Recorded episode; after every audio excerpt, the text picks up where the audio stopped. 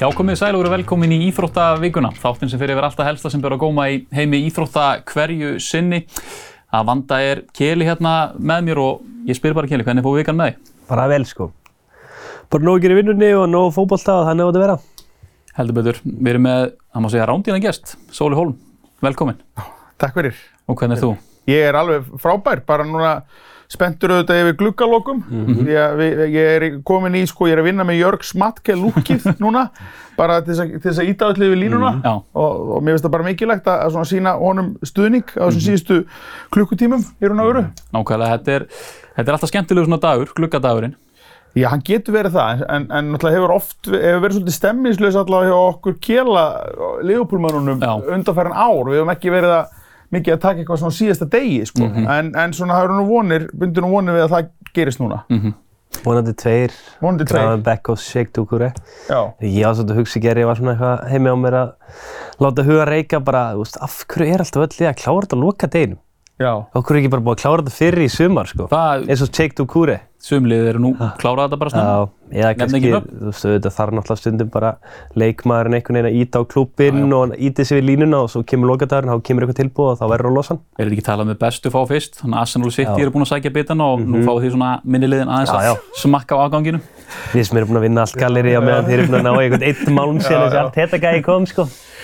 Men, men, það er menn búið til sína narratífu sem Já. hendar, hendar þeirra liði best og, og maður verður bara að virða það. Það er bara um að gera. Heldur betur, við erum þetta í bóðið bóla eins og Keli er að, er að dreipa hérna á. Já, Kiel er á fjóruða, sko. Það er helviti góður þessi. Þetta er svona hinn fullkomni bjór, svona gæðabjór með íþróttum með mitt sko. Já. Og svo er húsasmiða með okkur og nú eru það grillin og sláttuvélarnar sem eru afslætti. Það er ekki á tilbúið allt bara. Já. Já, já, einmitt. Þetta er svona eins og að kaupa jólaskrut í janúar. Það er, það er Já, sniðut sko. já, að kaupa að þetta í lóksuma sko. Já. Ég er nefnilega, ég er að pælja að fara í kólagrillið því að ég hef séð menn sem eru með eitt gasgrill og eitt kólagrill og það er ekkert eðla töff. Við erum með bæði sko. Já. Þitt náttúrulega sprakk framann yfir daginn. Já, svona það var eitthvað vesen. Það var ekki rúsmiðin bara. Jú, það var rúðsmiðinni, við getum alveg, við þurfum ekki að færa hlutin alltaf. En þú veist, það er ekki ónýtt. Það En stendur það var líka þér að kenna. Já, það var mér að kenna. Þú varst, lestu gasi vera á lengi áður hún íttir á... Nei, ég bara, þú veist, var ekki að þrýfa heilengi og það var bara allt út í og Já. þarna og svo bara kviknaði bara í því og bara allt í ljósum lofum og svona. og, og. Auðvitað. Já. Lengjan er nú, við förum í lengjusöðlinn í, í lók þáttar en Sóli, við förum alltaf í byrjun hérna yfir svona íþróttaferla, gestan okkur. Já, það er nú ekki að miklu taka þar. Já, það er samt alltaf eitthvað. Já, Þróttur, Hamar eða ekki? aldrei hamar, nei, ég Aldrei Hamar? 35 ára hver að gera, sko. Ok, ok. Ég hef aldrei, ég, hef kannski mætt á æfingu einu sinni, Mm. bara ekkert tíma, þegar verið sumafrí hver að gera, sko. Já. En ég eh, a- a- var aldrei, æði ekki þar, sko. Ok, Ég hafði þrótti og, og, og svona til, já, þá komst til lítill að metorða þar, þannig að, þannig að, hérna, en mikið hjarta, Mhm. mikið hjarta. Og ég, en ég, ég, ég spila náttúrulega fótboltan einu sinni í viku í dag, í, í KR-heimilinu, ok. þannig að það er svona, og svo náttúrulega bara crossfit. Þannig ég er íþróttamæður í dag. Já. hver er bestur í boltanum í kórimilinu? Hjörvar Hermansson eða? Nei, þetta er ekki, nei, ég er ekki honum lengur. ok. Nei. Þetta það, hann var, já, hann var bestur þegar ég var með honum, sko. Hjöpi Hermanns og Hlynur Haugs. Mm. Þeir voru frábærir. Uh, Eiki Rafa segir hann líka. Það er alveg ótrúlega. Leynir á sér. Já, leynir á sér, nefnilega. hann er með löpp náttúrulega. Uh, en í dag er ég náttúrulega með miklu, miklu uh, svona eldri mönnum sem ég veit ekki hvort að þið þekkið, sko. það ætti ekkert að vera Nei. nefnilega. Ég veit að þú... Stefán Pálsson er með mér í fótbolta. Ok, það Já, og hann er eitt besti slúttari sem ég hef séð í fótbolta. Ok, Það er bara, þú veist, þetta er sko, hann er mikið að lúra í vinstarhóttinu, samt Mhm. réttfættur hann er bara eins og hotnamaður í handbolta. Hann bara fær boltan og hann skorar alltaf úr öllum færum. Mikið að klínunum, að ég má ekki vera með höndum, já. þú veist, í þessum bolta og hann er mikið að klínunum á fjær. Já, bara uppi bara, já, já, það er gott. Og það er bara, þú veist, mann reynir eitthvað að tegja sig út á ekki breyk, sko. Þú veist, þannig að hann er, já, ég myndi segja, já, Stefán Pálsson er bara sennilega svona pund fyrir pund bestur Já, þú vildir ég fíla það. Þú ertu þetta púlar eins og allir vita og við ætlum í alvöru Liverpool umræðu á eftir. já, já. En hérna heima þá svona, það er kannski einum útastætti að þakka, það vita allir út fróttæri líka. Já, já, já, En- það er bara þannig, ég er, ég er það. Já. Ég er, er eh, samt sko, þú veist, eins og ég segi, ég ólst upp í þrótti, eða svona frá úrlingsárum og, og hérna, en ég er ekki duglegur að sinna þrótti Nei. undanfærin ár, sko, alls ekki, sko. Ég, ég mæti, leiðilegt að segja það, ég mæti á fleiri KR-leiki, að því ég býð í því hverfi og Mhm. er með börn í KR. Þannig að ég, ég er svona, en ég er ekkert orðin káeringur frekar en þróttari, ekki, ekki, það sé sér til haga. En, eh, já, en ég, svona allavega í íslensku bolta er ég, er ég þróttari fyrst og síðast, sko, þú veist, ég held með þeim á móti öllum öðrum. Já. Og það, þú veist, það gengur ágætlega svo sem við eru lengur dildinni kalla megin og bara orðið svona rótgróðið bestu dildinni hvenna megin, sko. Já, já, ég er náttúrulega fyrst og síðast að fylgjast með stelpunum. Já. Og, og það, það er náttúrulega er, er alvöru projekt í gangi. Já, komin alveg leikmaður í Elmettu. Já, algjörlega, risasæning, ég myndi segja að þetta sé svona stærstu fótboltafréttirnar hérna innanlands sumar. Það er eiginlega metta til þróttar, bara í, í kall og kvennabólta. Uh, og það er bara, já, risa, risa stórt fyrir okkur að fá, fá hana. Og bara, þú veist, ég, það er bara geggjað, bara stelpunar eru bara geggjaðir í þrótti, sko. Já, heldur betur, það var stór, hvað, stórt afreg í gerð, Kjeli, á þínum önnum. Mm. Blikinn til hamingju með, með þetta, kom þér í fyrsta íslenska liði í riðlakeppni, Evrópukeppni. Já, takk hérlega fyrir það. Þetta verður mér náttúrulega mjög spennandi að sjá hvaða liðið mitt bara er að fara að dragast á móti þar að segja. Mm Þú veist, og maður er búinn að þetta verði eitthvað þessum stóru liðum út í Evrópu sem að eru svona í þessari deildir eiga beint ekki að vera í henni myndi ég segja, sko. -hmm. Eins og Aston Villa. Nákvæmlega. Og þarna, það er svona það sem maður er að vonast þetta. Svo líka eitthvað lið sem maður getur kannski unnið, sko. Mm Það er eins og þótt að sé búið að koma fullt af peningum inn og geta komið meiri, sko, peningar. Nákvæmlega. Fara jafnvel áfram? Nei, ég ætla ekki að fara þangað, sko. Það er ekki spólið við. Nei, Ævintýri, Evrópu-ævintýri. alls ekki, en það er verður bara geggja að vinna leik þess vegna heima, sko. Já. Já. Og svo er náttúrulega spurning, sko, sem ég verið að hugsa, ég var eitthvað að ræða með hennar, hvort Blikar getur fengið eitthvað leikmenn fyrir þetta. Mm Því að núna er Átni villaus. Ég var að hugsa, sko, hann er samningslaus bara. Hvort Blikar getur fengið hann inn og skráð hann í Európa-bópin. Já. Þannig getur náttúrulega ekki sk- spilað restina af bestöldinni, sko. Nei, nei, nei. En að fá hann hann inn, sko, það væri upplugt því að það er náttúrulega svolítið meðslega hann fram á því, getur Steindós núna nýjasta. Mm Og það væri bara fyrir Átna vill einhvern veginn að koma og upplifa þetta, held ég væri bara geggja og líka fyrir breiðablík að sjá hann aftur í grænabúrinum, sko.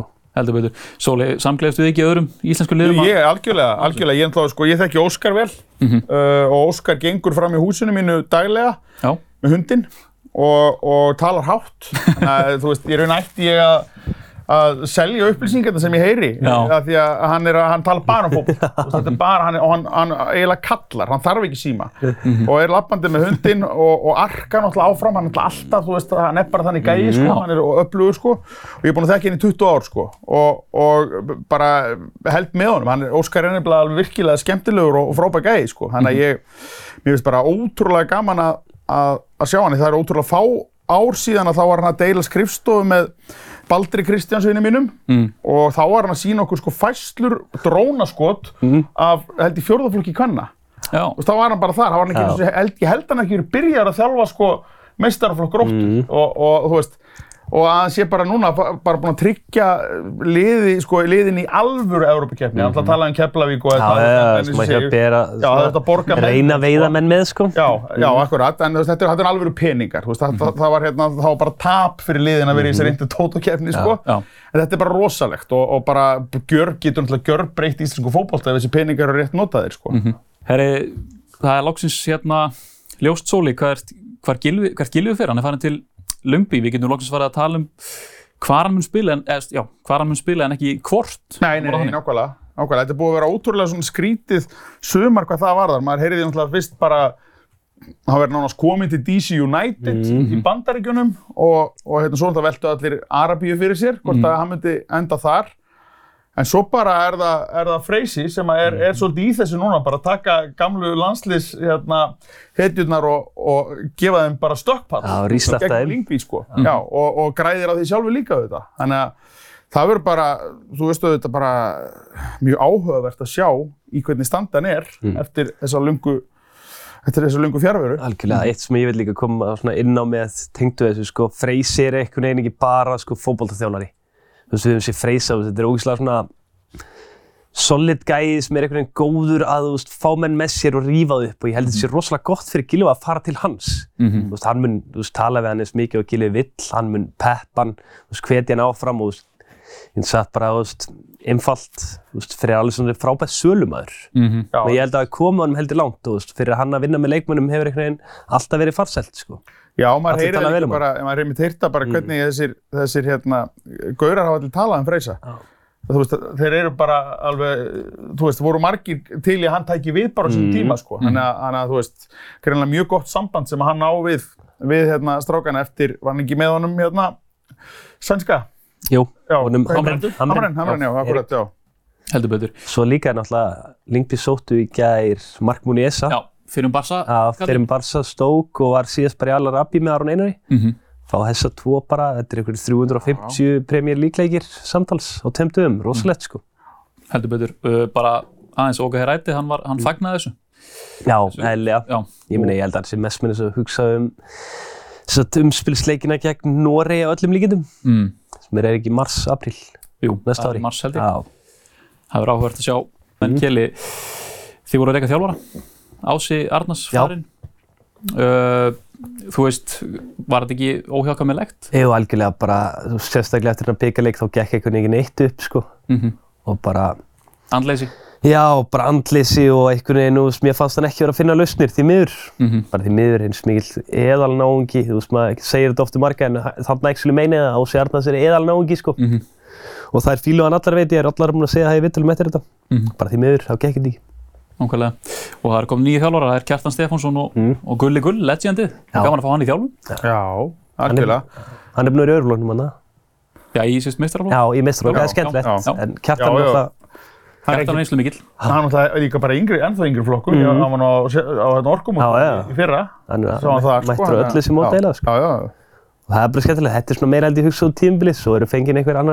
meira held ég hugsa út tímbilið, svo eru fengið einhver annar að inn. Ég vona að við rænum Nick af þrótturnum, Já.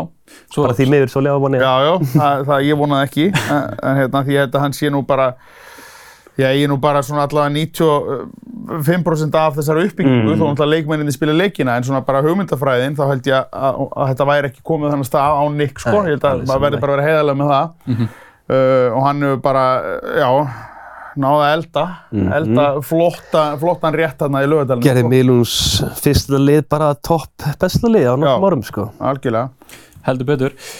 Herru, það var byltingakent framkvæmd í, í hafnafyrinu með að hún er að klárast núna hybrid gras að koma á Kapla Krikaböll. Við ætlum að sjá örstutt brot úr viðtali við Jón Rúnar Halldórsson. en auðvitað er skemmtilegra að vera úti og það er skemmtilegra fyrir unga krakka sem er að ytka fótbolta að spila á grasi, finna graslítin, að renna sér í bleitunni. Meina, hvað er indislegra? Einmitt það, þetta eru einhverjar 340 kúlur sem þetta kostar. Uh, þetta er umhverfisvænt, tók það fram að á víst að fara að banna þarna plasti uppfyllingarefni. Það er, jú, það er nýbúin að setja einhver reglur, það er að tala um einhver 10-12 ára, Kurlið þá, já, kurlið að útrýma í. Óþólandi, sko, fyrir, fyrir foreldra. Já, sem er að- með börn sem æfa á, á gerfugrassi sko, þetta er, þetta er mikið álag á reyksuðunar, alveg og svakalegt. þvóttalegarnar hef ég heyrt líka Já, sem er að það lendi. er enn verða það sko, já, það getur skemmt þær bara sko. Þannig að ég fagna því, ef, ef þetta er kurlið tekið, þetta er náttúrulega samt bara, Jón Rúnar er bara ótrúlegur, bara Já. þvílíkt power í þessum, í þessum manni og þú veist, bara hvernig, hvað hann er búinn að byggja upp hann í kriganum og auðvitað er hann fyrstur með þetta. þú veist, þetta er bara geggjað og, og um að gera að testa þetta, sjá hvernig þetta kemur út og Og eins og hann sagði náttúrulega sjálfur að, að, að það finnst öllum skemmtilega að spila á grasi. Reyndar merki ég það hjá krökkum að þeir eru pyrraðir þegar þeir fara á þessu mót og þá er náttúrulega líka lélegi grasvelli Já. sko. Að, að þeir geta ekkert reikna út hvernig boltinn er að koma sko. Þú veist þannig að þeir spila alltaf öðruvísi á, á grasi. Ja, Þannig að hérna, uh, þannig að þú veist, ég held að þessi verði ekki hvernig þú spyrir, en jú, góðu grasvöllur er gullið betri. Mm, klálega. Hann talar endur um hérna Kjeli að öll lið séu með, þú veist, hérna hybrid völl, öll stór, eða öll aðalið í Evrópu, orðaða já. það held ég jafnvel. Þú veist, þetta er svona smá spurning hvort við séum með okkur kannski við Norrlöndin eða þá meginland Evrópu, ekki satt, því það er fullt að liðum á Norrlöndum að Jú, spila. jú, það Gervigrasi. er, það er eitthvað lið í Svíþjóð, Noregi og Danmörku og Svo ég gerðið, meina- sko, þótt sé... Færiðar sem er að gera vel, þeir eru allir á, á Já, gerðugrössum, sko. en, aðna, Svo ég verði nú ég er svona veit, ég hef aldrei vita hvort meini stend, því að ég sko gerir mig fulla grein fyrir því, ef við ætlum að búa til hörku atvinnumenn, þá getum við eiginlega ekki bara verið á gerðið því Nei, nei. ég held að, veist, þegar þeir munum fara út og vera atvinnumenn, þá einhvern veginn mun þetta verða svo mikil breyting fyrir það, sko. Mhm. Og ég held að við þurfum alltaf einhvern veginn að halda í grasi og ég vill bara hafa bæðið, sko. Já, ég hef ekki eins miklar áhugjur af því að því að við sjáum bara Brasilíumenn sem eru spilandi bara á einhverjum götum og, og eða, þú veist, allavega einhverju þeirra, mm. margir náttúrulega bara verið í akademíum, en, en þú veist, það er bara dæmi um menn sem eru bara að spila á, á bara einhverjum, einhverjum steinum bara og, og hólóttum, hólóttum völlum að því gæði finna sér alltaf farveg, sko. Ég hef ekkert ómiklar Nei, en ég þetta finnst þér þetta, ég hef aldrei heyrt þér að punta aður, en mér finnst það góður. Af því þú veist, það eru menn sem komum bara úr algjöri, úr sárri fátækt, sko. Ég held að Sadio Mane hafi ekkert verið á, á gerfigrætt, sko, þú veist, og, og hann kvartar ekki, sko. Nei. Þannig að ég held að, já, me, leikmenn með gæði, það skiptir engum máli hvað undirlega þeir eru á. En ef við viljum hafa dildir okkar ennþá lengri, þú veist, það verður fróld að sjá hversu vel þetta endist að viðri til þess að þetta græs sem við erum með, sko. Já. Ef við viljum lengi dildir eitthvað, eitthvað, þá þurfum við alltaf öll í að fara að gera græs eða svona græs. Já, Já, algjörlega. svo snýst þetta alveg um líka uppbytunarkerfi, sko. Já. Það þarf að vera upp á tíu Algjörlega. þetta líka. Hljómaði eins og ég held að Sadio Mane var frá Brasilíu, það? Sagði- Nei, nei, ég að já, fólk já, hafi fattað það, sko. Það allir að skilja þetta. Já, Herðu, Víkingur er komin í bestöld kanna og hérna eru byggamestrar og það, úst, svo er kallaliðið efst, það er einhvern veginn allt í flúsandi siglingu í, í Víkinni. Já, þetta er bara orðið, orðið mekka fótbolta í dag. Eins og alveg svoleiðis. tala, þetta er bara ótrúlega hlutir að- að að gerast þarna og, og bara, já, bara rosalega stemming. Það er bara alveg, þetta er svona sko, uh, sko vikingarnir, þeim gengur það vel og það er það mikið stemming að að maður fyrir að, því ég hef alltaf verið mjög vikingafrendli sko, það, ég er alveg að fara að detta sko, af því að þetta er orðið svo mikið Eins og sko. flestir held ég. Þú veist, já, eins og flestir bara, en það er alltaf bara, það þýðir bara að þú ert, að Já. það sparkar enginn í hundsræ. Þú veist, þú, þú, þú það þetta kílanu í kongin, þannig að þetta er bara frábært fyrir vikinga ef fólk er að byrja að hata þá, sko.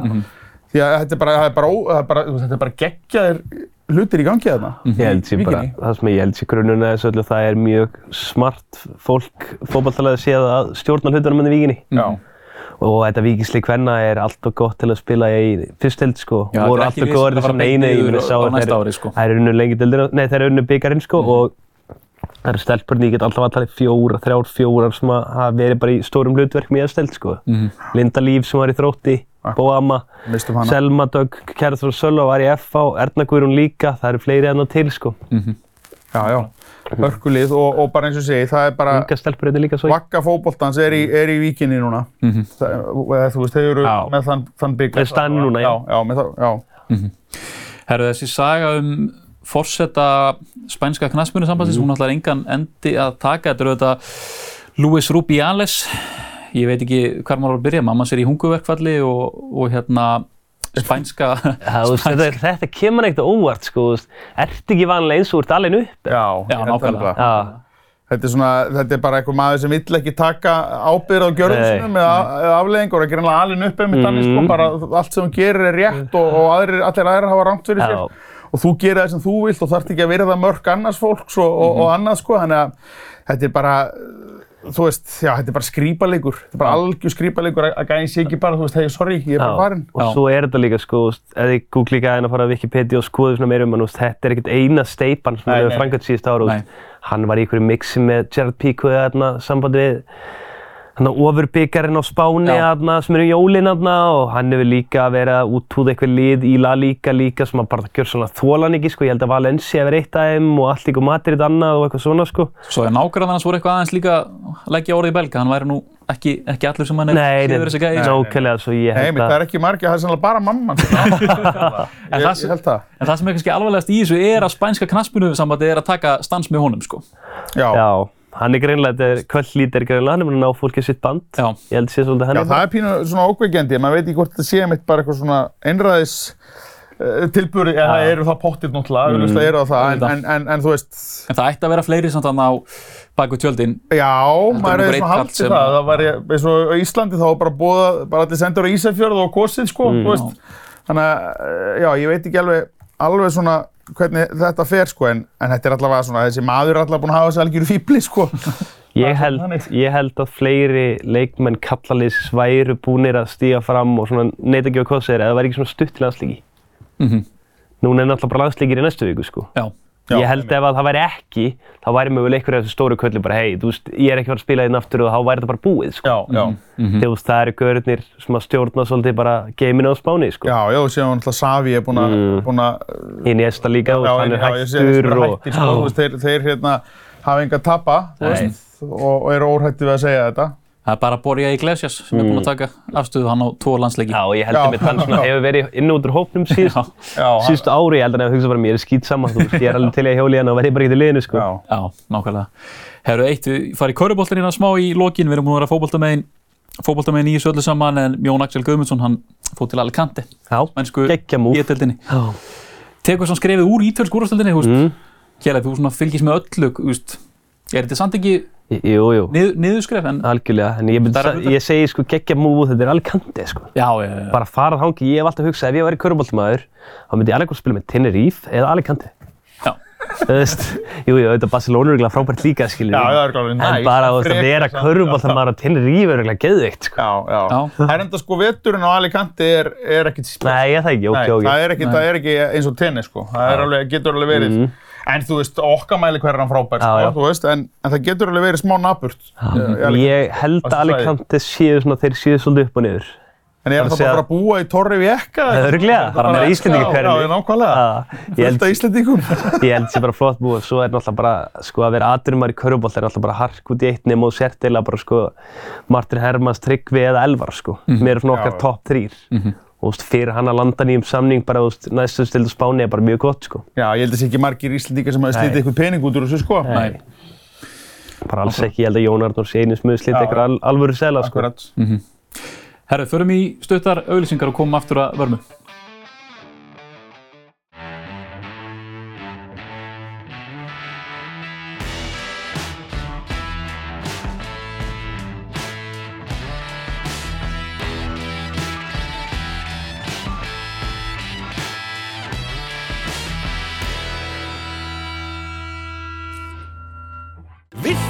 Verkfæradagar í húsasmiðunni 20% afsláttar á Milwaukee, Haikoki, Devalt og Makita Húsasmiðjan fyrir þig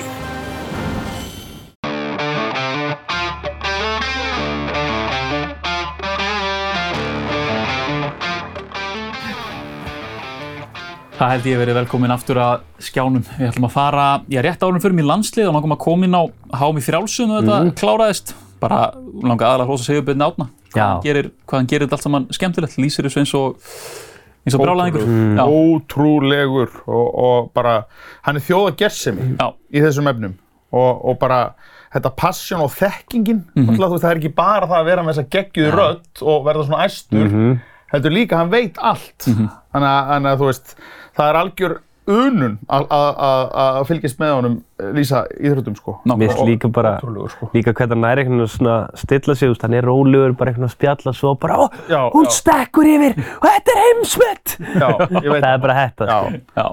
hann er æðislegur Ég fylgist alltaf vel með marathónunum sem marathónhlaupari sjálfur gamall, uh, Viktor Kiplangat, hann tók þetta mm. kalla megin og Amane Berisho Shankule tók þetta hvenna megin. Já, Ert þú, já, ert þú engin hlaupari? Nei, nei, nei, nei, nei, ég, Fannst Ég þér það hleyp reyndum að aldrei- vera í einhverju svona fyrir Íslandsbanka? Hann er Maður frekar er- í liftingu. nei, nei, nei, nei, nei, nei, ég er bara lýstinga, Já, já, ok, ok. ég er bara bodybuilder. Já. Hleypi helst ekki meira en 600 metra. Nei, það sé bara hér Það er orðið. svona, það haldi þessu undir Þetta er maður hætti í fótbolta. Já. Já. Við erum, við gilið erum núna eins og sést, við erum að, að, að kjöta Já. okkur. Já. Já, Já, þið eru að vera svakalegir. já, með við ekki hlaupa, sko. Herðu, förum í landslið, það sem allir er að spá í núna, bara, byrjum á þér bara hópurinn í gær, það voru, Lýst vel á hann. lístu vel á hann, Mhm. það var ekkert sem kom kannski majorly óvart með að við bara menn sem eru meittir, Júli, jú. Svona Já. kom með, ég bjóst ekki við þessu. En ég veist, ég bjóst að Júli við kannski á það árum. Já, þá kom það ekki óvart. Það er rétt, það er rétt. En Júli er það sem er óhend í þessu. Orri er svona, ég bjóst eiginlega við Orra. Mhm. Út frá Albert Datt út náttúrulega og þannig bara verið að spila vel með SK og þetta er svona held ég, ég held að sáðu allir í síðasta klukka, ef Alfred fór út af, þá vantaði bara einhverja vikt þarna fram. Þú veist, Orri er stór og stæðilegu gæði sem að gæti alveg leist Alfred af bara, veist, á 70. mínúti. Já, það er líka bara, eh, þú veist, við erum bara spennt að sjá hann, sko. Mm. Já. Því að maður veit ekki, þú veist, ég hef aldrei síðan hann spila, Nei, nei. sko. Þú veist, þú kannski ekki með gróftu hérna aðeins þegar maður krakki. 14 ára? Já, þá Já. bara eitthvað brot, sko, Já. þú veist. Þannig að ég, maður er búinn að vita af þessum krakka náttúrulega alveg, eða krakka þessum unga manni í, í, 19 ára. í, já, í langan, langan tíma Já. og, og einmitt, pappans náttúrulega, við þekkjum hann, Mhm. hann er komið til talsinn í dag, Óskar, og já, náttúrulega þessi hann að spila í bara besta liðin í Danmörku, þannig að hann lítur að vera Mhm. Og var að fara í mestraröldunum bara. já, Já, akkurat, og ég, hann lítur að vera nógu góð til að vera með landsliðinu, þannig að það hefði bara, hefði bara verið skrítið að velja hann ekki. hvar svona, þú veist, þú í gerir ráð fyrir að þú fylgst vel með, með landsliðinu undan farin ár, en þú veist, hvar svona meturu möguleik okkar í þessu, móti Bosníu og Luxemburg? Sko, ég held að, ég hef alveg trúið að vinna um þessa leiki, sko. Ég hef alveg, alveg þú veist, allavega á Luxemburg, Mm. ég held að við, við tökum það. Ég veit ekki nógu mikið um um, ekki svo að ég viti kannski mikið um Luxemburgarliðið, það er einmitt þess vegna sem ég ákveða að vinna þá, sko. Bosníu Bosnía, sko, ég- Við töpuðum 3-0 fyrir leiknum. Það var algjör hörmunguleikur. Já, Já, uh, Þar var Arnar Viðars að fara. ég var stattur í Sinitsa þarna og þetta, var þung, þetta var þungt kvöld. já, ég held samt að við, við, við tökum þetta núna. Já. Ég, ég held það. Ég hef einhvern veginn tilfinningunum fyrir því, þannig að Já, en ég er bara að, að gas út í loftið sko Já. og, og svo náttúrulega er þetta líka náttúrulega það er verið að endunja liðið rosalega mikið og, og hann er ennþá að setja sinn svip á þetta þannig að uh, það getur alveg tekið tíma á þetta Algjörlega. Og ég held bara að Bosnia, Luxemburg og Slovakia, það er ekki Slovakia frekar Slovenia. Slóvakía. Jú, jú. Mér finnst þetta var allt frá 50 leikir hvort séu heima úti, sko. Það var alltaf algjör synd að tapa. Það var bara skandadeila með að við vorum miklu betri til Já. að breyma í þeim leik, sko. Svo bara fengum við kjaftsögg, sko. En svona á þessum gullaldar árum sóli, varstu duglegur að elta liðið á stórmótinn og... Ég fór ekki til Rússlands Nei, en ég fór, ég fór á tvo leiki í, í uh, Fraklandi Já. uh, sem flög á heim á milli og Já. fór einmitt sko, var á Englandsleiknum og, og Ungverjarleiknum Ok. þannig, að- þannig að ég fekk svona bæði vombrið og, og, ótrúlega gleði sko. já, Þannig að já, ég flög að mitt sko á Englandsleiki með son minn sem hann var þá, þetta var 2016, Já. hann var 8 ára, 9 ára og, og ég man alltaf, ég, hef aldrei farið í að dýra ferð sko, þú veist bara þá var ég meina flugin sko, þetta var ég flugum, flugum sko til Berlínar, þaðan til Rómar og þaðan til, til hérna Nýs, eða, eða Marseille, eða man ekki hvað flugum Marseille, já. já, Marseille og hérna, þetta var, þetta var bara leiðin út sko Já. og svo tilbaka þá var það Róm aftur, Já. svo Berlín og svo Ísland sko Mhm. þannig, að, þannig að þetta var alveg uh, og svo bara þegar að við fáum okkur víti í byrjun þá er ég bara svona er ég búinn að vera að þetta uh, þessa þvælu hérna sko. Og svo náttúrulega bara já komið út úr þessu einhvern geggjaðasta moment í íslenskar íþróttasögu. Já, þannig að já það, það var bara það. Ég fór nú ekki á neina aðra leiki úti sko. Nei, á því tímabili á gullaldata tímanum einmitt. Já, ég man eftir þessum ungarleik, það var svona hálfgjört anti-climax. já. Það var það Róðningu fyrir utan Já. og þetta var algjört, algjört þokk. Sein- En eftir að hyggja var betra að hann fór eins og fór held ég, því að þá hefðu aldrei fengið England, sko. Jú, það er rétt. Við hefum annars ekki Króatíu eða eitthvað. Já er bara tapa Já, bara tapað, bara heyraðu, bara boring sko. sett eitt og haldið boltanum. Já, líka bara það, það gerir svo mikið að vinna England, þú veist, að ef við höfum vunnið Króatíu, það var ekkert verið að við varum ekki að tala um það hérna, við gerum það á lögadalsiti líka. Mhm. Þannig að hérna, já, það var bara, já, já, en, en núna bara býðum að ég þurfum bara að vera svolítið þólumóð, þú veist, við erum ekki að fara á stórmót næsta mót, ég, ég er eiginlega alveg, ég held það nú sko, þú veist, ég er ekki vonguð með það og, og þú veist, núna þarf bara, þetta tekur bara tíma, þetta er, þú veist, mikið, við með mikið láta eins og þetta sé bara eitthvað viðtekn, menja nei. Íslands á stórmótum, Nei, nei. þú veist, þetta er eitthvað sem maður sá fyrir sér að myndi aldrei gerast, þú veist, áður, þannig að hérna, já, já, þetta bara tekur tíma. Og, og það er bara rosalega mikið eins og bara ég heyriði hérna að Hjörvar var að tala við Jóa Berg. Og einmitt þessi vangavelta er hvenær kemur Íslendingur í, í Premier League, annar en hann náttúrulega. Og það er einhvern veginn, það er rosa erfitt að sjá sjá einhvern sem er bara svona getting þér, á meðan að manni fannst það einhvern veginn alltaf sjálfsagt að það væru 1, 2, 3 sko Já. í, í League hérna áður sko Algjörlega. Þannig að hérna, já, þannig að þetta Hákon kannski líklegastur en Já, svona þessa myndir. já, Og þannig að ég held einmitt að, þú veist, okkar möguleiki liggi ekki í riðlunum, það er þetta umspill. Þjóðatildar umspili. En það Já. verður samt, þú veist, helviti erfitt eins og ég sagði áðan Noregur, þú veist, við erum að fá einna Martin Öðegard og Erling Haaland og örgulega, sko, svo hungra að gera ykkur hluti með Noreg, þú veist, þeir hafa alltaf feilað, sko. Já, þetta verður ekki neitt bakaramestara og leikur sko. þurfum líklega að spila Alls það í. Danmarku eða eitthvað, eitthvað svo leið Já. sko. Því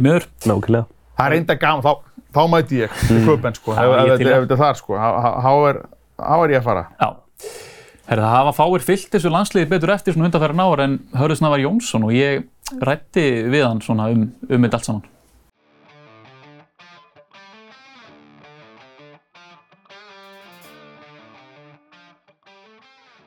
Já, blæsaður Röndi og velkomin í Íþróttavíkuna. Takk fyrir það. Herru, við ætlum aðeins að fara yfir já, landslishópin sem var kynntur í vikunni. Það var svona eitt og annað í þessu, stórun upp, ekki með. Aron Einar til dæmis ekki með, Arnur Sigur þetta, báður að klímaði meðsli, en svona var eitthvað sérstaklega sem kom fyrir ávart.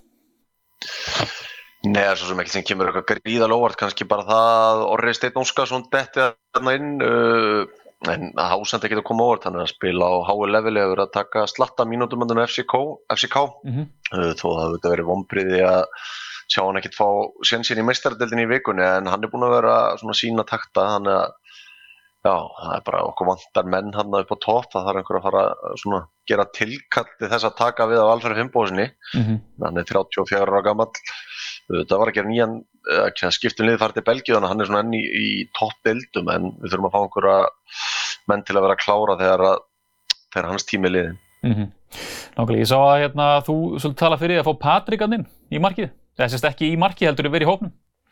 Já, mér þætti það bara eðlilegast, hann er að spila í, held ég sé, næst besta liðin í Noregi. Uh, á móti er Elis Hafn Ólafsson að já, spila með einhverju pöppalið í Portugal, þau orðuðu það bara þannig, uh, hefur lítið spilað undanfattan mánuði og mér finnst hann ekkert gera neitt tilkall til þess að vera í hópnum. Minna. Rúnar Alex er að komast aftur á stað núna, byrjar að spila með Cardiff sem bara er flott og hann er okkar fyrsti markma, uh, markmaður eins og er, þannig að ég hefði haldið að Hákon Raffn og Patrik ættu svona að vera ádóð menn á eftir honum en hann ræti og, og hans menn fara aðra átt í þessu og þeir þurfa kannski bara að útskýra það einhvern tíman. Mm -hmm. Kannski annað aðtekstu því þessu sem að, sem að lag náttúrulega út í vikuna að Július Magnússon er í, er í hópnum. Ég held að svona fáir kannski hefðu, hefðu séð það endilega fyrir. Já, það kom ekki óvart þegar hópurinn var kynntur í gerð út í að normennir voru sniðir á Twitter og láguði út en eittu því svo. Já. Já, ég meina þú veist, já, hann í bjeteld í Nóri, uh, var mjög góður inn að heima, þannig að það er bara spurning, þú veist, ég er ekki að sjá hann spila eitthvað í þessu verkefni kannski, en uh, áhugavert að sjá hver pælingin með, með því er, sko. Mm -hmm. Aðeins bara, þetta eru auðvitað svona opinn riðill, búin að skrítin riðill, úrslit bara hinga og, og þanga, þú veist, tökum, getum við ekki gert kröfu á 60 úr þessum glugga og þar með vonast til að vera ennþá inn í þessu? Mér að hafa tekið bara eitt stig í síðasta glugga þá veit ég ekki hvað kröður maður á svo sem að setja á þetta lið, menn þetta er bara, maður horfir á hópin og, og þú veist hvar menn er að spila, við erum ekkert með leikmenn á einhverju top leveli, Mm -hmm. þú veist það verður bara að horfa í það, við erum bara með leikmenn að gera ágjátt á Norðurlöndunum, við erum með Jóhann Berg sem er að spila í hæsta klassa, Mm -hmm. Albert Guðmundsson líka, hann er í þessum toppdeildum en hann má ekki vera með núna eins og öllum ætti að vera kunnugt þannig að það er blóðtaka, það er blóðtaka að hafa ekki Aron Einar, meina bara mikilvæg hans innan vallar er gríðalegt eins og komið fram áður, Arnó Sigursson var svona að manni fannst vera að finna sitt besta form með landsliðinu þegar hann dettur í þessi meðsli í sumar, ekkert spila síðan þá, veist, það er högg. Þannig að jú, jú, veist, við eigum að vinna Luxemburg og við eigum að vinna Bosníu heima en þú veist við, átt, við höfum ekkert verið að vinna þessi leiki undan farin ár þannig að Mm -hmm. eins og maður hefur alltaf verið bjartskýtt fyrir þessa landsleiki þá er þetta svona, ég veit ekki, heldur, það þurfa allir að vera með og maður eiginlega bara að horfa- farin að horfa í þetta umspil á næsta ári sé- sérstaklega vegna frétta gerðdags eins og það að Gylfi Þór Sigursson er mættur aftur í fótboltan Mm og hann er að fara að spila Mm. ef að hann er, segjum að hann taki sér kannski mánuð núni að koma sér í stand þú veist, þá er hann kannski klár í landsleikjagluggan í oktober, getur tekið oktober og novembergluggan -hmm. komið sér inn í landsliðið aftur og svo er það þessi umspilsleikir á nýju ári það sem að ég held að okkar möguleiki liggja á því að fara inn á þetta Európa til þess að svolítið dauðir í reyðlinum eftir þetta sumar sko. Já, kannski eitt bara að lokum, þú veist, að því þessi glugg, sumargluggi fór eins og hann fór, það er kannski mesta ávikefnið bara svona að mynda stemningu á löðarsvelli sem hefur verið erfitt í síðustu gluggum. Það var náttúrulega mjög góð stemning í, í sumar uh, Já. þessum sumarleikjum og það var svona bjart síni með óga hærætt og þetta var spilamennskan í þessum báðum leikjum bara uh, með besta móti þetta fengum dauða færi hann uh, var ekki Slovakia Mm -hmm. það sem við áttum auðvitað bara að vinna og við áttum ekki að tapa móti í Portugal það verið, þú veist, fyrir einhverjum árum hefðu bara lokað þeim leika 1-0 eða haldið í jætteflið en það er svona jákvæðin í kringum þetta en ég kíkti nú á miðasölunni fyrra þetta eitthvað og það virtist vera bara sponsormiðarnir farnir út, það virtist ekki vera að kaupa neitt þannig að þú veist, ég held að við þurfum bara sigur á föstudaginn í næstu viku og þá kannski fer eitthvað með, þá svona kemur kannski smá vonum að taka þetta annarsætti ef úslitið eða hagsta þannig að já, veist, eins og leikmennir hafa bara heiðarlega með sjálfur þeir þurfa að spila vel og ná í úslit svo að fólk komi á völlin og það hefur ekki verið í gangi í nokkuð langan tíma með að fólk er svona fara að fjarlæga þessu aðeins. Mm Akkurat það. Herðu Höti, takk hjálpa fyrir að vera með okkur. það er ekki málið, takk Það held ég, þökkum herði Snævari fyrir þetta og hendum okkur í hérna bestu deildina. Það hefur aldrei verið nóg um að vera. Víkingur er, má segja að Víkingur sé Íslandsmeistari og það nú reyndar þó nokkuð látt síðan. uh, en þetta var svona kannski endanlega klárt eftir leikin á sunnudaginn Kili, það var auðvitað að þetta gerist nú frá því voru minna síðast, það var þetta atvik að blikandi mættu á rútunni hálftíma fyrir leik uh, lúkaði kannski svo cool statement framan af en nú reyndar veit ég ekkert hvert statementi var því að menn svona tala, tala í hingi um þetta, um þetta mál allt saman, þú veist, varst þú sátt um þetta? Já, ég var það. Já. Ég veit ekki neða, þú veist, hvort sem þetta hafi verið statement eða ekki, þú veist, ég veit það ekki, ég, þú veist, gaurinnir í liðinu er ekki það miklu vinið mínir að þeir myndu segja mér það, sko, því þekki á marga, sko. Mm. Ég er ekki í einhverju bindingi við Óskar og þekki hann ekkert rosalega vel og því heilsuna kannski ég hef séð hann eða eitthvað, sko. Svo ég munur örugglega aldrei vita hvort það hafi actually verið statement eða hvort það hafi bara verið, þú veist, þeir ekki að fíla klefana eða þetta, skilur Mm eins og þeir nefndu svolítið. Mm Mér erst bara aðalega að fyndi að þú veist blika stöðnismenn vildu meina að þetta væri statement á KSI æðsta valdið og að tala um eða þá hérna vikinga fyrir að vilja ekki fresta leiknum og, en þú veist svo kom allt í hennu bara eftir á skýringin að þetta væru klefarnir það er svona hálffurðulegt Já, sko, mér, daginn eftir líka fannst mér það smá steikt, sko, ég veit ekki neða, þeir hafi ekki bara sagt það og bara, ég verði að mér finnst að draga úr því sko.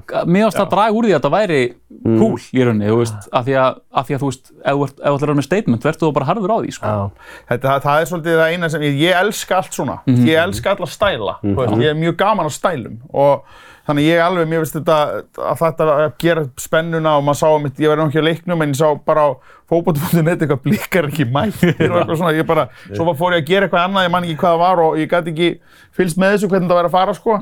Svo það svo bara úrslitinn sko og, og ég bara, herri, það er eitthvað alvöru dæmi í gangi hérna. Og en einmitt, það er svolítið leiðilegt að það sé ekki eitthvað skýrt og gott statement. Þetta er svona svipað eins og bara þegar að maður kannski reif kjaftu ykkur stóran krakka á, á, á skólavellinum. Já, svo bara ætlaði maður að fara að standa undir því sko þá var maður svona byrjaðar að ég var ekki að meina þetta sko ég var ekki að maður svona bakkaði sko konaði niður svolítið og þetta virka pínu þannig en, en ég veit ekki hvort að það sé tilfelli því að eins og segja það hefði þurft að bara við erum að gera þetta út af þessu Já. í staðan fyrir svona neini við erum ekki að gera út af þessu við erum bara út af, út af klefunum og eitthvað sem hefur aldrei heyrst talað um áður Nei. sko nei, En mér finnst þetta allavega geggjað að gera þetta sko. Þú veist, ég, Já, já. ég elska allt svona, þetta er bara, þetta er bara stemming. Mhm. Og, og eh, ég myndi ekki hvað, þetta hefði bara verið enni tapleikurinn, þú veist, alveg, þetta er bara já, tapleikur og þeir mætti með eitthvað varalið og búið. Þetta er bara gert meira úr þessu, þetta auglýsir deildina, þetta er bara býtt til stemming og eins og sé það komið, komið alvöru óvinskapur þarna í gang og það er eitthvað sem er bara frábært. Þú veist, þetta, þetta er svona bróðirni er bara leiðilegt til lengdar.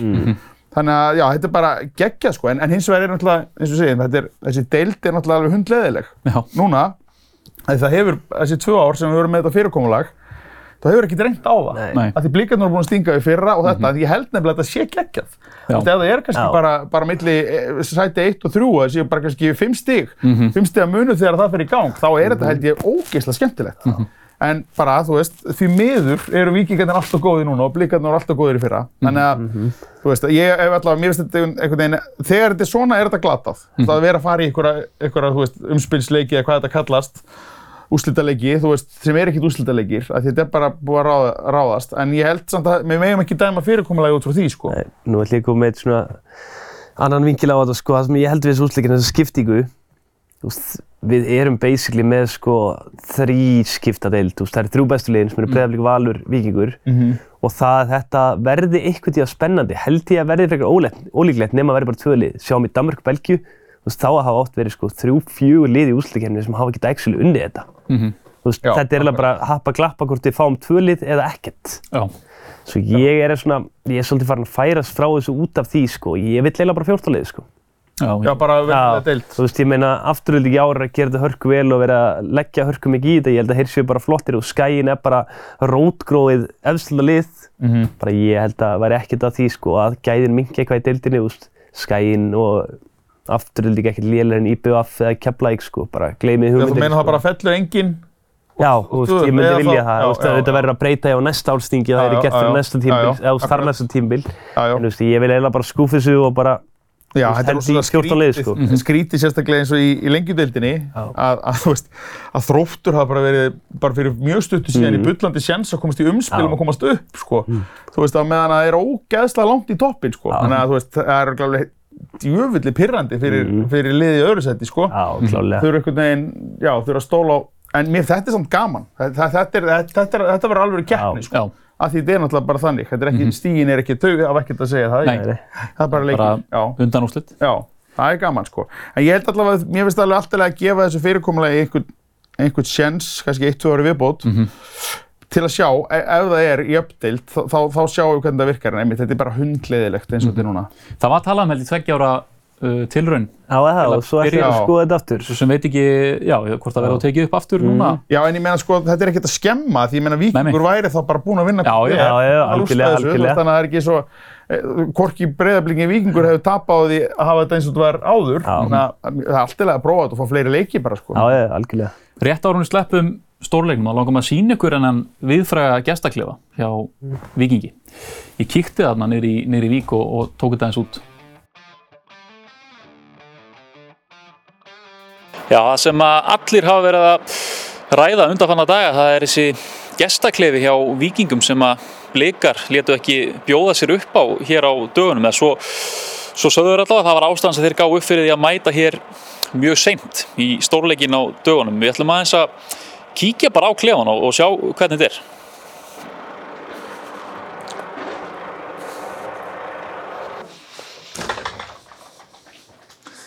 Hérna. Hér erum við komin inn í klefan. Þetta er svona nokkuð, nokkuð stórt rými. Salerni. Hér er já, fyrsta herbergið.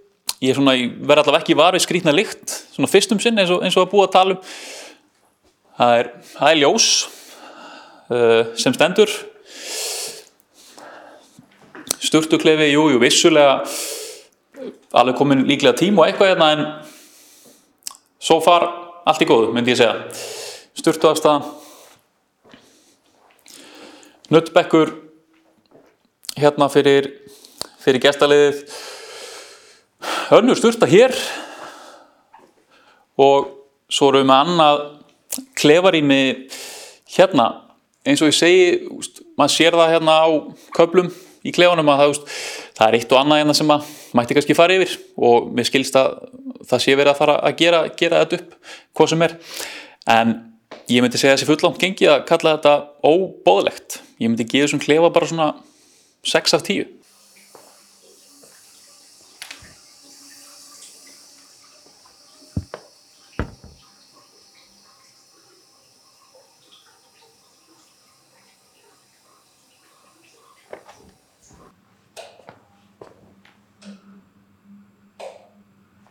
Það held ég, eins og þið sjáu þá, þú veist, þetta er kannski engin ástæða til, a, til að sleppa því að nýta aðstöðuna, þetta er ekki það óbóðlegt. Nei, er þetta svolítið Reykjavík samt bara? Ha, jú, þetta er bara, er bara, er bara ekta Já. gamall búningsklefi Já, Reykjavík, sko. En, en þetta er líka, ég er samt að vera nú að, ég skilir þetta alveg pínu, því ég náttúrulega er, er sko mikið með svona backstage, sko, það sem ég er að vinna. Og mismunandi, og þetta hefur alveg sko með það að gera, stundum ef maður veit að maður er bara að fara að býða í einhverju diskagemslu, sko, þú veist, bara, bara sem er bara cutlery og, og, og eitthvað svona í kringum hann, sko, þá mætur einn sent og getur, sko. Veist, og, en ef það er eitthvað næs, eitthvað eins og gullhömrum og eitthvað svona, veist, það sem að bara er alvöru backstage og þú færðir að borða og svona, þá mætur miklu fyrr, sko. hvað er skrítnasta backstage uh, upplifunin? Það, það er eiginlega ekkert eitthvað eitt sem er svona skrýð, það er bara rosalega ofta að maður er inn í einhverju eldúsi og er fyrir og, og það er bara helvíti algengt og leðilegt, sko. Algjörlega. Herðu, ég fara bara í það sem er, ég er svona fleiri liðið þessari deild. Ég meina Káa vann FH og ég er svona farin að sjá það jafnvel gerast að FH veri nefra. Neð, Já, ég meina, það getur vel gerst. Ólíklegt. En samt sem áður, FH Leika úti. Leika þunna. Smöðulega. Komnir í Evrópu. Mm. Já. Og þarna, það er alveg spurning með þann leik og þarna, á meðan hver er að fylki KM-en. Mhm. Ég sé þá reyndar alveg taka fylki bara Já. 3-4-0 sko, það er ekkert, kemur ekkert óvart sko, því að fylkir að ekkert verið á sérstökum flugjöflu síðastið sko. Algjörlega. Meiri í þessu Keflavík er svo gott sem falli, ég meina, við erum ekki fram á heimavelli, svona eins og fram er búið að vera, þá var það kannski svona ákveðin döðadómur í þessu öllu saman. Já. Uh, annars er þetta hörku fallbóra það er IBVF fram fylgir. Mm Það er kannski svona, þú veist, Það getur verið skemmtilegt, það Já. finnst mér því, sko. Það getur verið gott sko í neðra playofinu. Já. Það er ekki að finna sér bara lið þar. Ég, ég haldi að hvaða lið viltu alls ekki að falli en ásamt möguleika á að falla. Mm. Því það er ekkert gaman að halda með sjöndasætinu, sko. Nei, veist, það er þá um- þá er þetta ekkert í séns, þannig að maður þarf að finna bara eitthvað, já. Bara ég er að pæli að halda með liðinu sem verður í 11. sæti þegar að flauta, mótur að flauta. Já, Það voru FA í fyrra. en verður ekki fórsetabækjar í ára? Ég held að Hjörvar haldið því áfram alveg bótið, sko. Já, þá viltu verið í sjöndsetti. Því að mál hérna, Já. já, auðvitað heldur það áfram að hérna, HK gæti unnið hann, sko. Já, já, þá var hann, var hann ekki að fara að hætta með Nei, sko. þá myndir hann mæta bara fullur og afendan, sko. Já, Danir gefa play-off um Evrópusæti fyrir sjöndsetti. já, Það er svona, Við erum ekki með nógu góð lið til að gera það. Nei. Fyrir að vara Midtjylland sem að náði því, sko.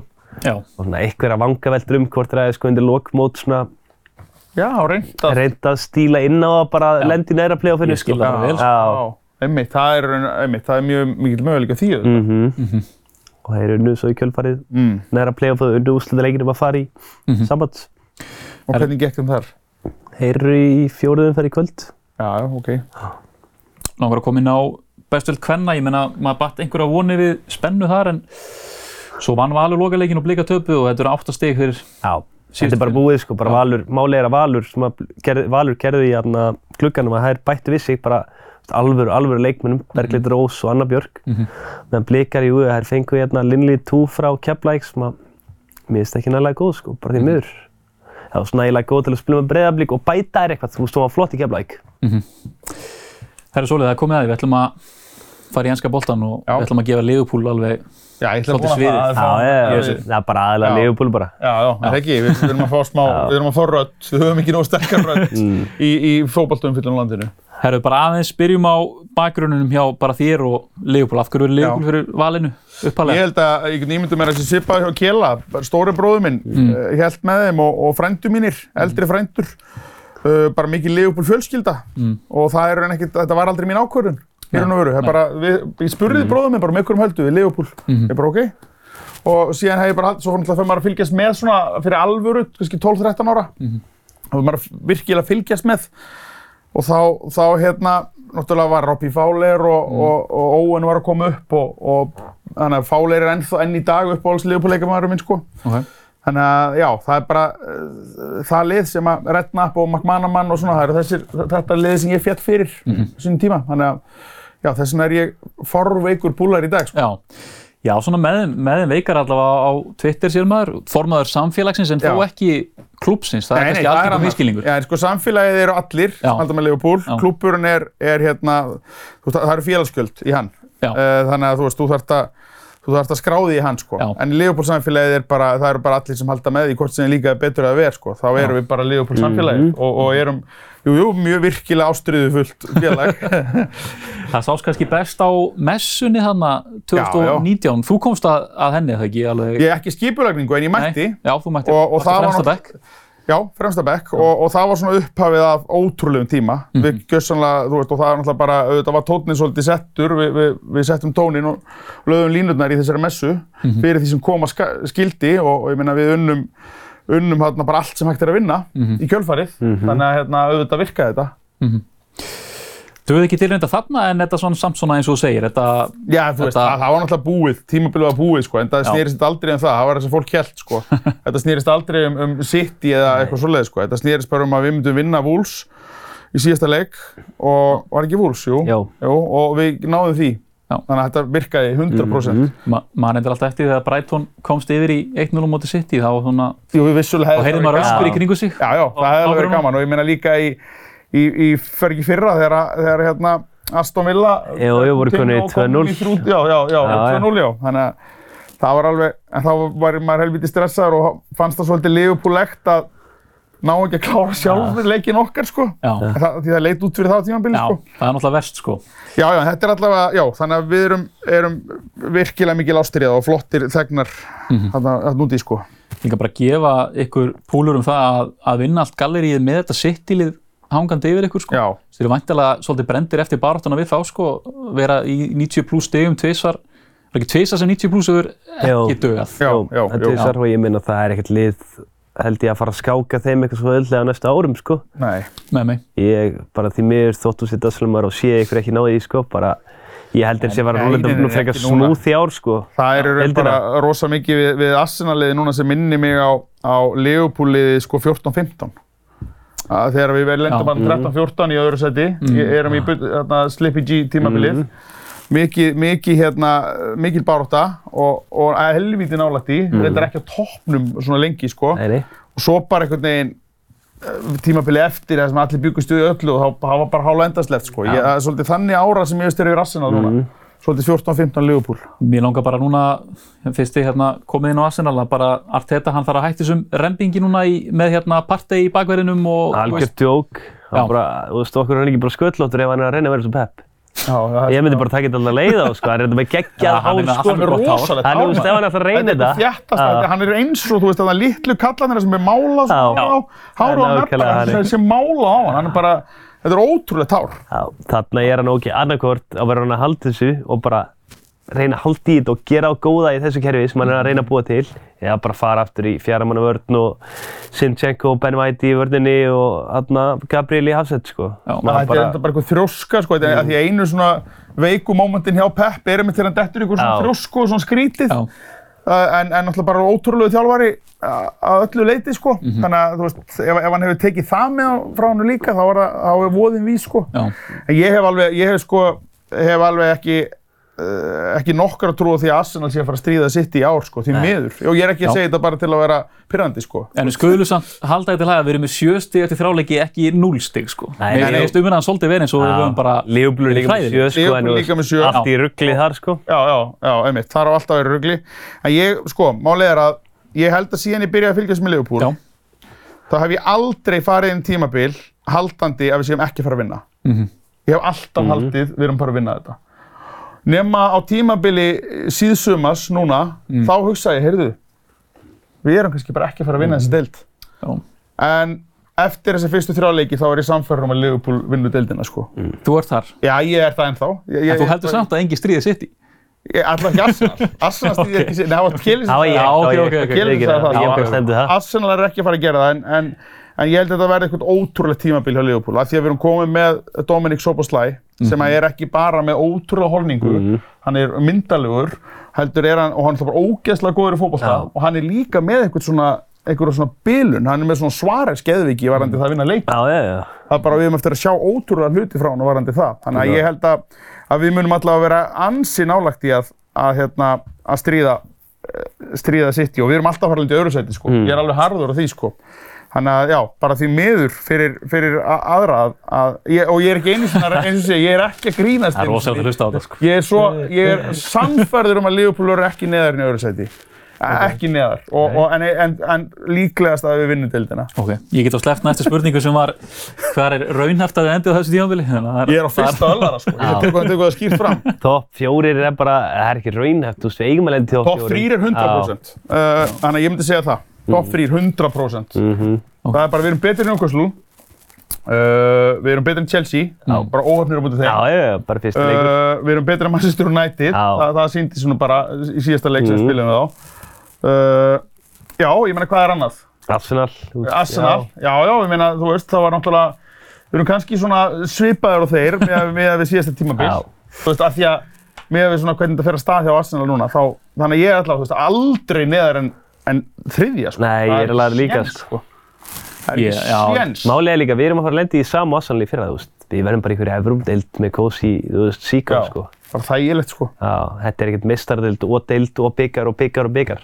Já, ég held að Já. í næsta leik og kemur Sinchenko aftur inn Já. og partey fyrir hann á miðju og ég held bara allt þar í blúsandi. Já. Ég held að við vinnum United svona 3-4-0 sko. Þeir þurfi Gabriel líka. Gabriel Jesus. Nei, Gabriel Magales. miðurinn, já. Já, já, það er Já, já. bara svo lengi. Það er eitthvað skrítið í gangi Já, það. ég er nefnilega mjög hrættur um Hann það, sko. hefur, ég ætla, ég ætla mitt kiska, hann hefur svona, hann hefur fengið búa frá Alitti að eitthvað lið, Mhm. bara hann hefur svona, já, ég er alveg til í þetta. Arteta er bara, heyrðu, er til í þetta? Bara fokka þér, Já. Þú veist, það hefur verið eitthvað hannig, sko. Já, já, Já, og svo já, bara, svo já. bara lokar glugginn. Já. og ef hann verður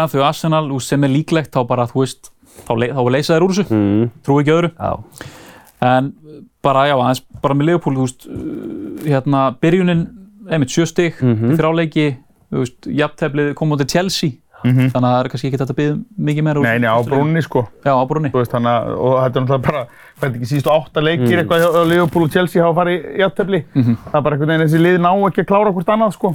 Þannig að, já, það er alveg, kemur svo sem ekkert óvart, Mhm. óvart þar. Þannig að ég, Tíu heilan leik, þú veist, ef við tökum þetta allt já, saman. nákvæmlega, Já. nákvæmlega, búin að vera mjög óhefn, en þetta er bara, við getum, bara, dóm, dómgæslan hefur náttúrulega bara verið agaleg, bara, og það er ekkert eitthvað, endilega bara Liverpool Já, bara öll því. deildin. Það er af öll lið lendi í einhverju dómararugli, sko. Já, en það hefur ekki hjálpað okkur það hefur verið fínt að, að en eins og segi, bæða móti Brighton og nei, hérna Bormóð og, og Newcastle, við kláruðum leikina Já, já. tíu sko, þú veist, þannig að það var nú ekki meiri skað en það en, en auðvitað er þetta rosa leiðilegt því maður getur ekki séð svona menn spila í, í svona sínu sóni eins og Endo til dæmis, þú veist að, að hérna, það var alls ekki að dæma hann eftir þessu finnst það ekki. bara alveg glórulust að menn leifi sér það sko.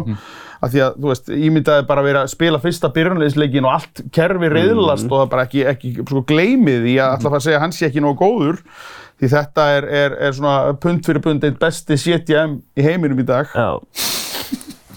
Hann- Þetta er svona, Ég hann er svona Gunni Birgis ykkar Leifupúl, ykkar Nei, nei, nei, nei, nei, þetta, þetta er allt satt og rétt, sko. Hann er bara að leiða er þetta japanska landsli áfram til ótrúlega afreika síðust og hann er með þessa, þessa nákvæmni sem að, þú veist, bara, bara hérna uh, já, alltaf svona þetta japanska hugvit, sko, sem, að, sem einhvern veginn uh, kemur sér að, að góðu í, og mun gera, mun gera ótrúlega hluti í, í deildinni, sko. En svona ánæðskrýst, þá hef ég alveg trú á hann. Já, ég, Ég ég, held ég, að- ég, okay, ég er náttúrulega ekki kannski eitt besti sitt, hann þarf að gera meira til þess, ég, skal, ég grínast með það, en, en hérna, ég hef, ég hef mikla trú á því hann eftir að vera bara mjög decent og bara hann hann er þegar orðinu eitthvað svona cult hero, sko, hjá, hjá okkur búlurum, sko. Asjumenn hafa mjög sjaldan klikkað í eðskurúrslutinni.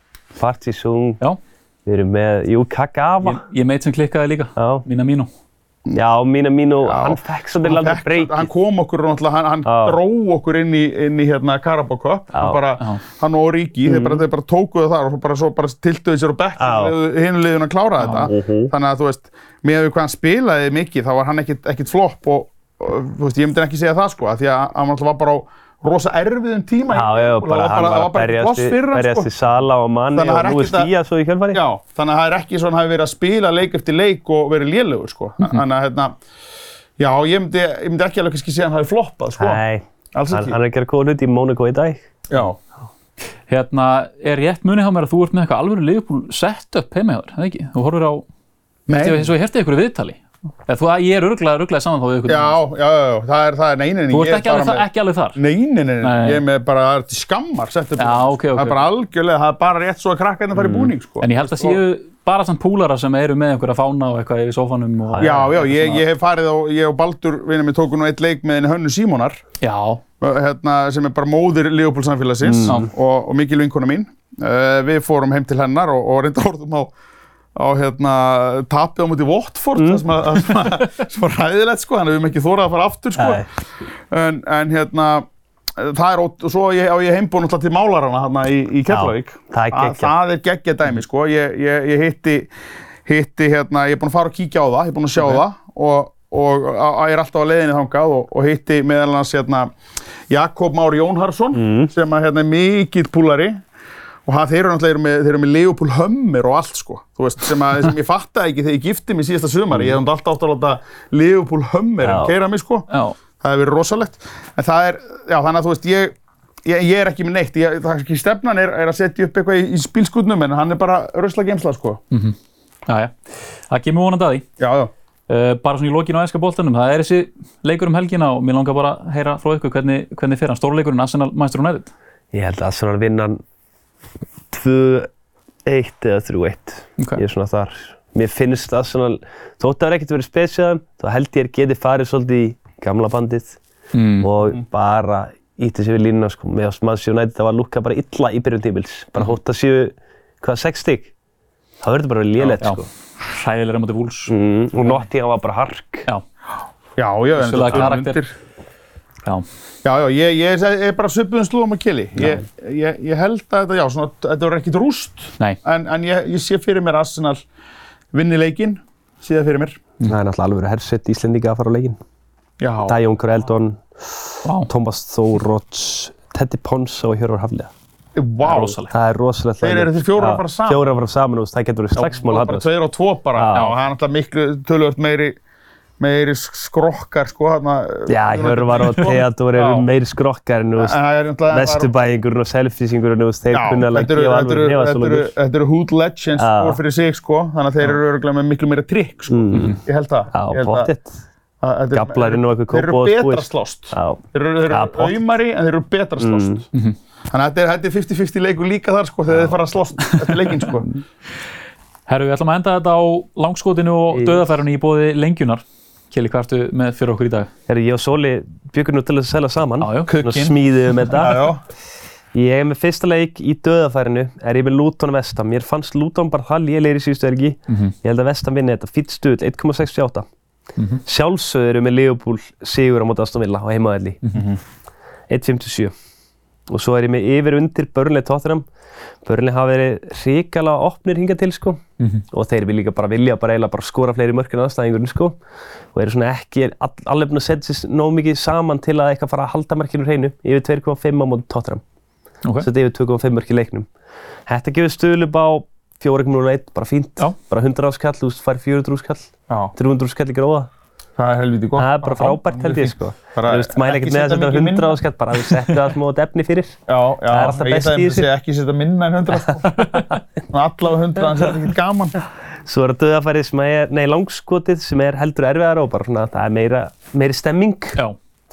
Það er með Chelsea mínus 1 á móti Nottingham Forest. Ég held að Chelsea haldi áfram svona, þú veist, góðu gengi. Þið verða að gera það. Þurfa að vinna 2-0 þá? eða Já, 3-1 vinna eða 2-0 whatever. eða 3-1, Já. þetta virkar hann eins og Já. 1,86 á það. Ég held að Crystal Palace taki Wolves.